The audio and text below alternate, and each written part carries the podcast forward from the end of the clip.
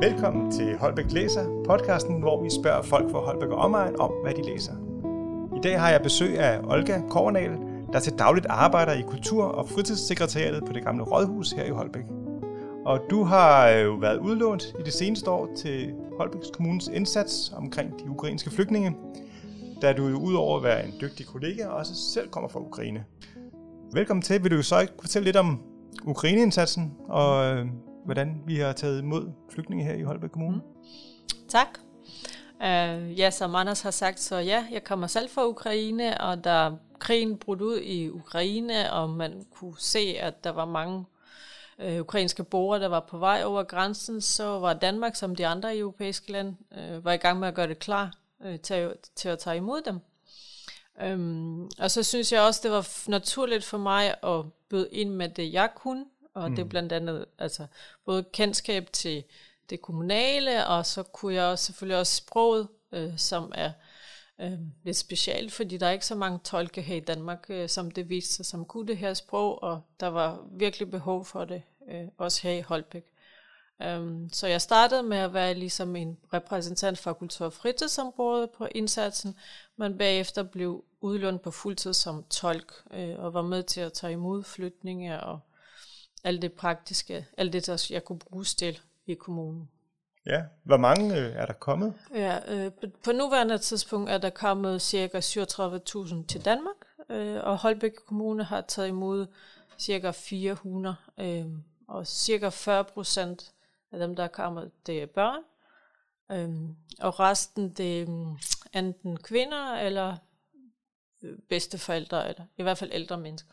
Ja, og kan du sige lidt om, hvor de bor henne i kommunen? Ja, øhm, det er sådan, når de kommer når, til Danmark og får opholdstilladelse, som bliver givet efter særloven, som Danmark har vedtaget.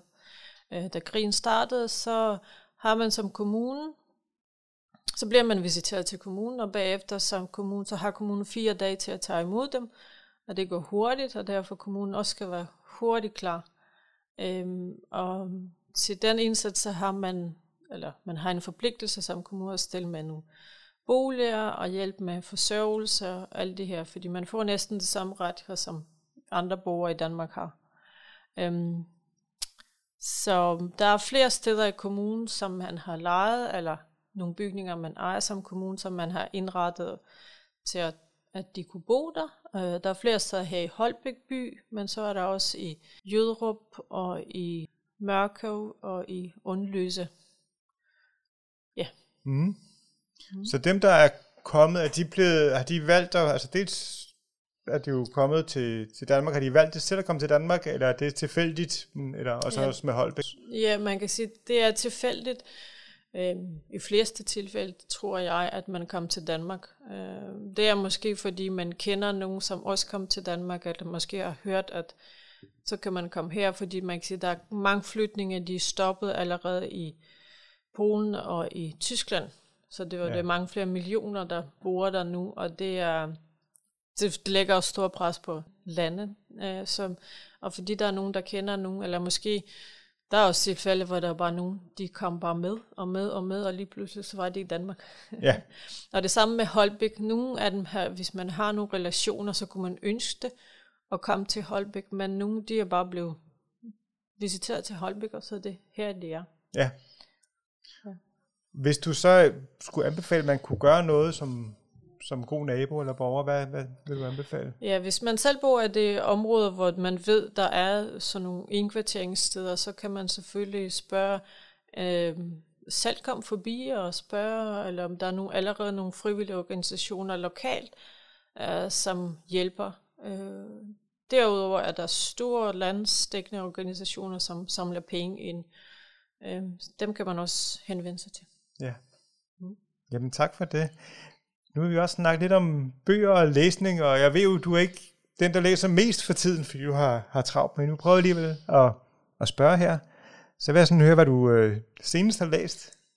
Øhm, ja, det er rigtigt nok. det er ikke så meget tid, jeg har til at læse, og derudover har jeg ikke, finder jeg det ikke afslappende nok til at sidde og læse, fordi jeg har både mindre børn og alt det med arbejdet. Så hvis jeg egentlig finder på at læse, øh, så er det en lydbog. Øhm, man kan sige, at det seneste stykke tid har jeg mere brugt tid på at lytte øhm, informationer fra Ukraine, øh, så det er mest nyheder eller interviews eller podcast med forskellige eksperter, som sådan så får et billede over, hvad der foregår, og hvordan er udvikling, og fordi det er det kan være svært at følge med, når man er her, fordi man er alligevel langt væk. Ja. Mm. Er der en øh, kanal, som man kan, du vil sige det, hvis vi som danskere skal blive klogere på noget, som ikke forstår ukrainsk eller russisk? Ja, fordi man kan sige, øh, selvfølgelig bliver nyheder det dækket over her i Danmark, men jeg synes alligevel, der er forskel, hvad, hvad der kommer frem her i, ny, øh, i Danmark, og hvad jeg kan høre i, fra Ukraine. Øh, og derfor anbefaler jeg, at man finder engelsktalende øh, ukrainske kilder, øh, mm. og det er blandt andet en, der hedder Spotlight Ukraine. Øh, det er en YouTube-kanal, og den er gratis, og der kan I finde information om det seneste, og som er også øh, troværdige kilder, øh, og hvis man kan engelsk, så burde det være nemt at forstå. Ja, mm. det vil jeg tjekke ud. Hvad er den seneste bog, du har læst eller lyttet til? Um, ja, nu er der i hvert fald øh, et år eller halvandet siden, jeg har sådan lyttet til en hel bog. Og den, der har gjort størst indtryk på mig, det var den, der hedder Hvor krabserne synger.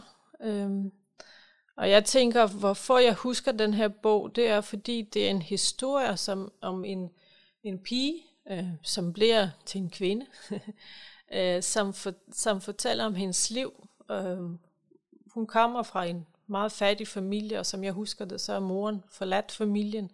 Så selvom hun er en lille pige, så skal hun selv stå for det hele derhjemme, og jeg mener, hun har også søskende, hun skal sørge for.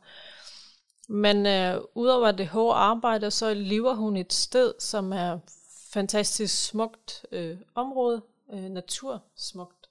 Og hun elsker det, og hun øh, øh, samler på sten og muslingeskaller og fjer fra de fantastiske fugle, hun finder. Og historien ender også lykkeligt, hvor hun alle de samlinger, hun laver, mm-hmm. det bliver hun, hun bliver en forsker. Ja. Øh, og det er nogle værdifulde samlinger, hun har lavet, øh, ja. som bliver sat pris på. Ja, så hvor flodkrabsene synger. Øh, flodkrabsene mm. synger, ja. Er der nogle gode øh, bøger fra Ukraine, du kan anbefale?